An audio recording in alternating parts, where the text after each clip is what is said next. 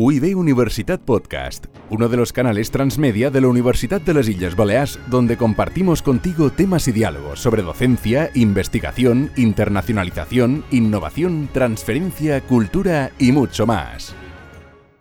Mi nombre es Antonia Pades, soy profesora titular de la Facultad de Enfermería y Fisioterapia de la Universidad de las Islas Baleares y con este podcast me gustaría hacer mención a lo que es la agresión la agresión o la conducta agresiva como un estilo comunicativo inadecuado, como un estímulo nocivo, como cualquier conducta para perjudicar a otro, que pretende herir, causar daño, ya sea físico como psicológico.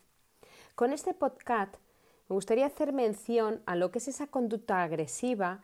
Vamos a hablar de algunos tipos de agresividad que se pueden dar, algunas teorías de la agresión que nos pueden explicar cómo se concibe la conducta agresiva o como innata o como aprendida, para finalizar con algunas estrategias o manejo de lo que es la conducta agresiva atendiendo a lo que es la curva de la hostilidad con las fases que esa curva de hostilidad nos representa para poder eh, entender el patrón emocional de la hostilidad y así poder ir en cada una de estas etapas o fases, poder hacer uso de aquellas estrategias o cómo manejamos nuestra propia conducta, nuestra propia conducta asertiva para el manejo de eh, esta hostil conducta agresiva.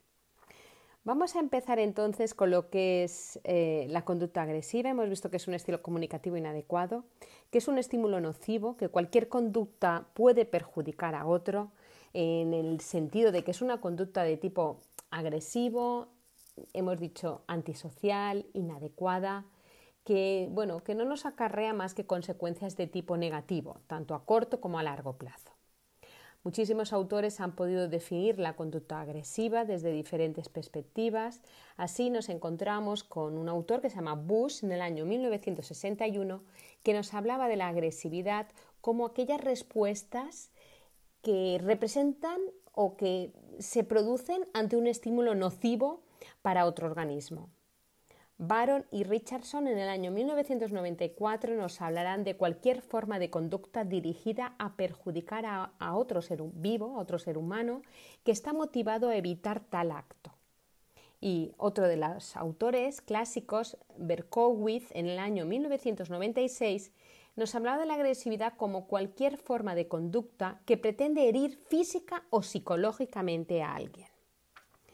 Decimos entonces que la conducta agresiva y los diferentes tipos de agresión van a tener lógicamente unas características con un comportamiento violento o agresivo. Esa conducta agresiva va a tener una intencionalidad, va a querer causar un daño real y va a alterar casi siempre el estado emocional del otro. En relación a los tipos de agresividad, nos encontramos con dos grandes bloques, la agresividad afectiva y la agresividad instrumental. Cuando hablamos de afectividad afectiva, sería aquella que es de tipo impulsivo, que nos puede producir ira, que se produce como una reacción a ese daño o a esa ira, que surge como una reacción sobre todo a una provocación verbal o física de otro y que lógicamente también puede tener una intención de hacer daño. Sin embargo, cuando hablamos de una agresividad de tipo instrumental, es una agresividad de tipo más deliberativo, más racional, quiere una consecuencia, quiere conseguir un fin, por lo tanto ahí vamos a ver que existe una racionalidad y un efecto lógicamente instrumental para conseguir ese fin, sea como sea. En relación a las teorías de la agresión, también nos encontramos con autores que nos van a hablar de la agresión como una conducta innata, y otros que nos van a hablar de la agresión como una conducta aprendida. En relación a la conducta innata, nos vamos a encontrar en, uno de los autores dentro de la teoría etológica de Lorenz. Este autor, en esta teoría etológica, nos dice o defiende la existencia de un instinto agresivo, que tiene como función adaptativa la supervivencia de la especie, sobre todo el control del territorio, el dominio, a veces casi siempre sobre todo el dominio del macho de la especie sobre, sobre la hembra. Aparte de Lorenz, en esta teoría, nos podemos encontrar con eh, Freud dentro del psicoanálisis que este autor eh, nos habla, en un primer momento, asocia la conducta agresiva con la teoría de eh, que va dirigida esa conducta agresiva a ese principio de placer. En una segunda aproximación, la conducta agresiva se va a hablar de una teoría dual del instinto y se va a asociar al tánatos o al instinto de muerte. La conducta agresiva eh, sería como una, una energía destructiva que va a reducir la tensión. Dentro de otra de las teorías que contemplan a la conducta agresiva como innata, nos vamos a encontrar con las teorías biológicas o biologicistas. Existe una clara relación entre las áreas del sistema límbico y a veces el ataque que se destruye en algunas zonas mesoencefálicas cuando las estamos estimulando, que están o podían estar mediatizadas por el aprendizaje. En estas teorías biológicas parece ser que la conducta agresiva tiene una parte representativa en el sistema límbico. Otra de las conductas de tipo instintivista sería la teoría de frustración-agresión de Dólar y otros colaboradores en el año 1939. Según estas teorías de frustración y agresión de Dólar, ellos integran o quieren integrar tanto el psicoanálisis como el conductismo y postulan la relación causal entre frustración y agresión, diciendo que toda frustración va a llevar a la agresión. Dicho esto, nos vamos a pasar ahora a las teorías de la agresión aprendida. Teoría de la señal activación, la teoría del conductismo y la teoría del aprendizaje social de Bandura. En relación a esta teoría primera, la teoría de la conducta agresiva como aprendida, la, la teoría de la señal activación, Berkowitz en el año 1969 y luego en 1996 va a reformular la teoría de dólar y dice que la frustración producirá ira y que va a predisponer a la agresión y solo se dará si existe en el ambiente señales de tipo agresivo. Se produciría aquí como una especie de condicionamiento clásico en la que bueno, nos vamos a dar cuenta cómo vamos a asociar esas señales agresivas a situaciones de malestar. En relación al conductismo y algunas corrientes, algunos autores de la corriente, sobre todo conductista operante, dirá que a través de la conducta agresiva conseguimos algo que nos va a dar un refuerzo. A lo mejor a corto plazo, a largo plazo vamos a tener problemas, pero a corto plazo la conducta agresiva nos puede llevar a conseguir la meta de forma muy rápida.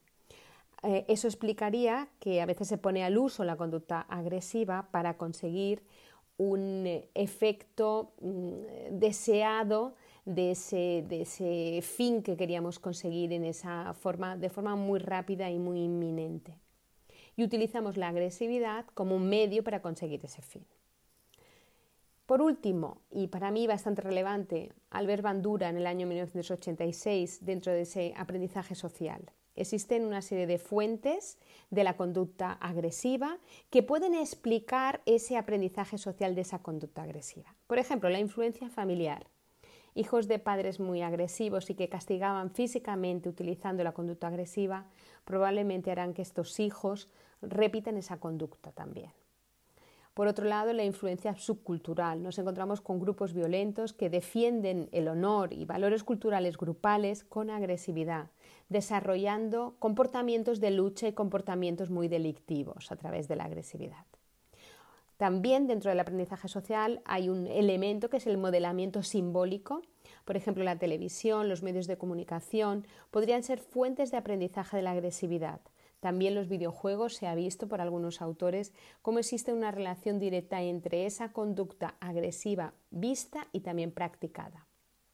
En relación entonces a la construcción social de la agresión, eh, también podemos decir que el hecho de transgredir normas, atender cómo la justicia o el abuso de poder mm, puede generar también ira y agresión en la persona. El poder coercitivo en forma de amenaza o de castigo, o de castigo la exclusión social y en general manifestaciones de rechazo pueden obstaculizar la integración social produciendo conflictos y reacciones de tipo agresivo extremo, como podría ser el mobbing o el bullying, que serían dos elementos bastante estudiados tanto a nivel laboral como a nivel escolar. En, en relación al patrón emocional de la hostilidad, nos vamos a encontrar con una gráfica, una gráfica que tiene una, curva ascendente, eh, una especie de, diría yo, de eh, montaña en la que hay un pico en la parte superior que sería la fase 3. Pero vámonos a subir esta montaña. En la fase 1 y 2, en esta curva de la hostilidad, que vamos a representar así como una montaña, vamos a ver lo que está sucediendo en estas fases.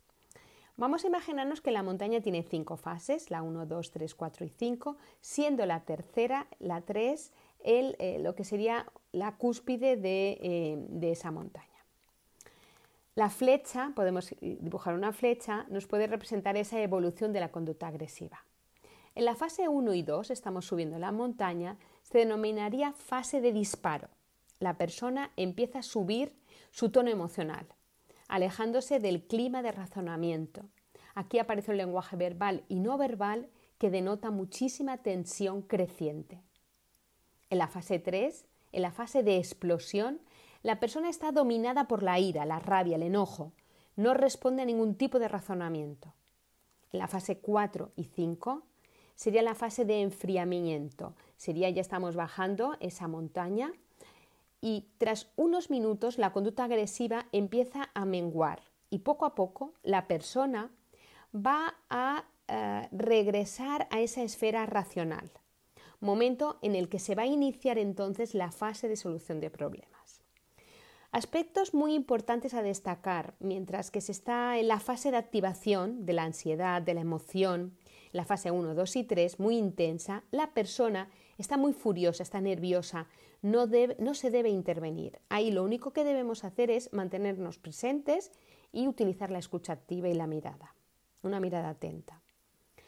Ah, los actos a llevar a cabo eh, van a ser los siguientes. Primero, vamos a detener nuestras propias emociones negativas y para ello las voy a tener que observar.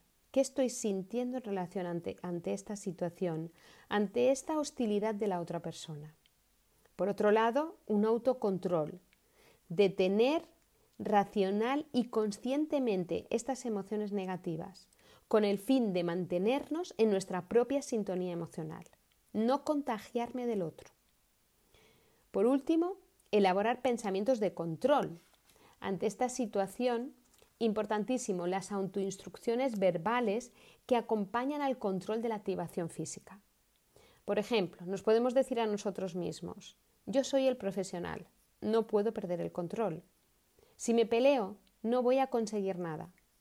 Solo con escucharle se va a tranquilizar. Tengo que relajarme. Por otro lado, nos podemos hacer uso del contrabalanceo emocional como técnica. Es un efecto por el cual el sujeto logra balancear a una persona agresiva hacia emociones opuestas a las que manifiesta inicialmente pasan de ser emociones negativas a emociones positivas. Solo se consigue si el interlocutor se ha mantenido en su sintonía emocional. Y tras la explosión de emociones negativas, vamos a intentar contagiarle de nuestra esa sintonía emocional nuestra. Por último, la resolución del conflicto que se va a llevar a cabo solo y exclusivamente en la fase 5, en esa fase de enfriamiento. Voy a tener que reconducir objetivos, voy a tener que estudiar las alternativas, negociar cuidados, intentar buscar solución a lo que me está demandando. La secuencia de actos para el manejo de la agresividad es fundamental, pero sobre todo no perder el control. No perder el control porque el control emocional nos va a dar muchísimas herramientas para poder manejar esa conducta agresiva que nos está generando mucho malestar. Recordar que la conducta agresiva tiene una intencionalidad a veces, pero a veces puede ser que no, que eh, nos podemos encontrar con situaciones en las que el paciente y la familia pueden estar cargados de emociones negativas por varias causas y que en un momento determinado pueden perder ellos el control. Espero haber contribuido a lo que es el entendimiento de lo que es la conducta agresiva, las teorías explicativas de forma muy rápida, muy sencilla, pero sobre todo hacer hincapié en ese patrón emocional de la hostilidad, en esa montaña que les comento, con esas fases, la 1, la 2, la 3, la 4 y la 5, y cómo las técnicas para el manejo deben poderse practicar, no es algo fácil, necesitamos práctica, pero sobre todo recordar el autocontrol emocional, la sintonía emocional y también lo que es el contrabalanceo emocional. Nos pueden ayudar junto con las autoinstrucciones verbales para poder resolver los conflictos y sobre todo el manejo de esa conducta agresiva. UIB Universitat Podcast, uno de los canales transmedia de la Universidad de las Islas Baleares, donde compartimos contigo temas y diálogos sobre docencia, investigación, internacionalización, innovación, transferencia, cultura y mucho más.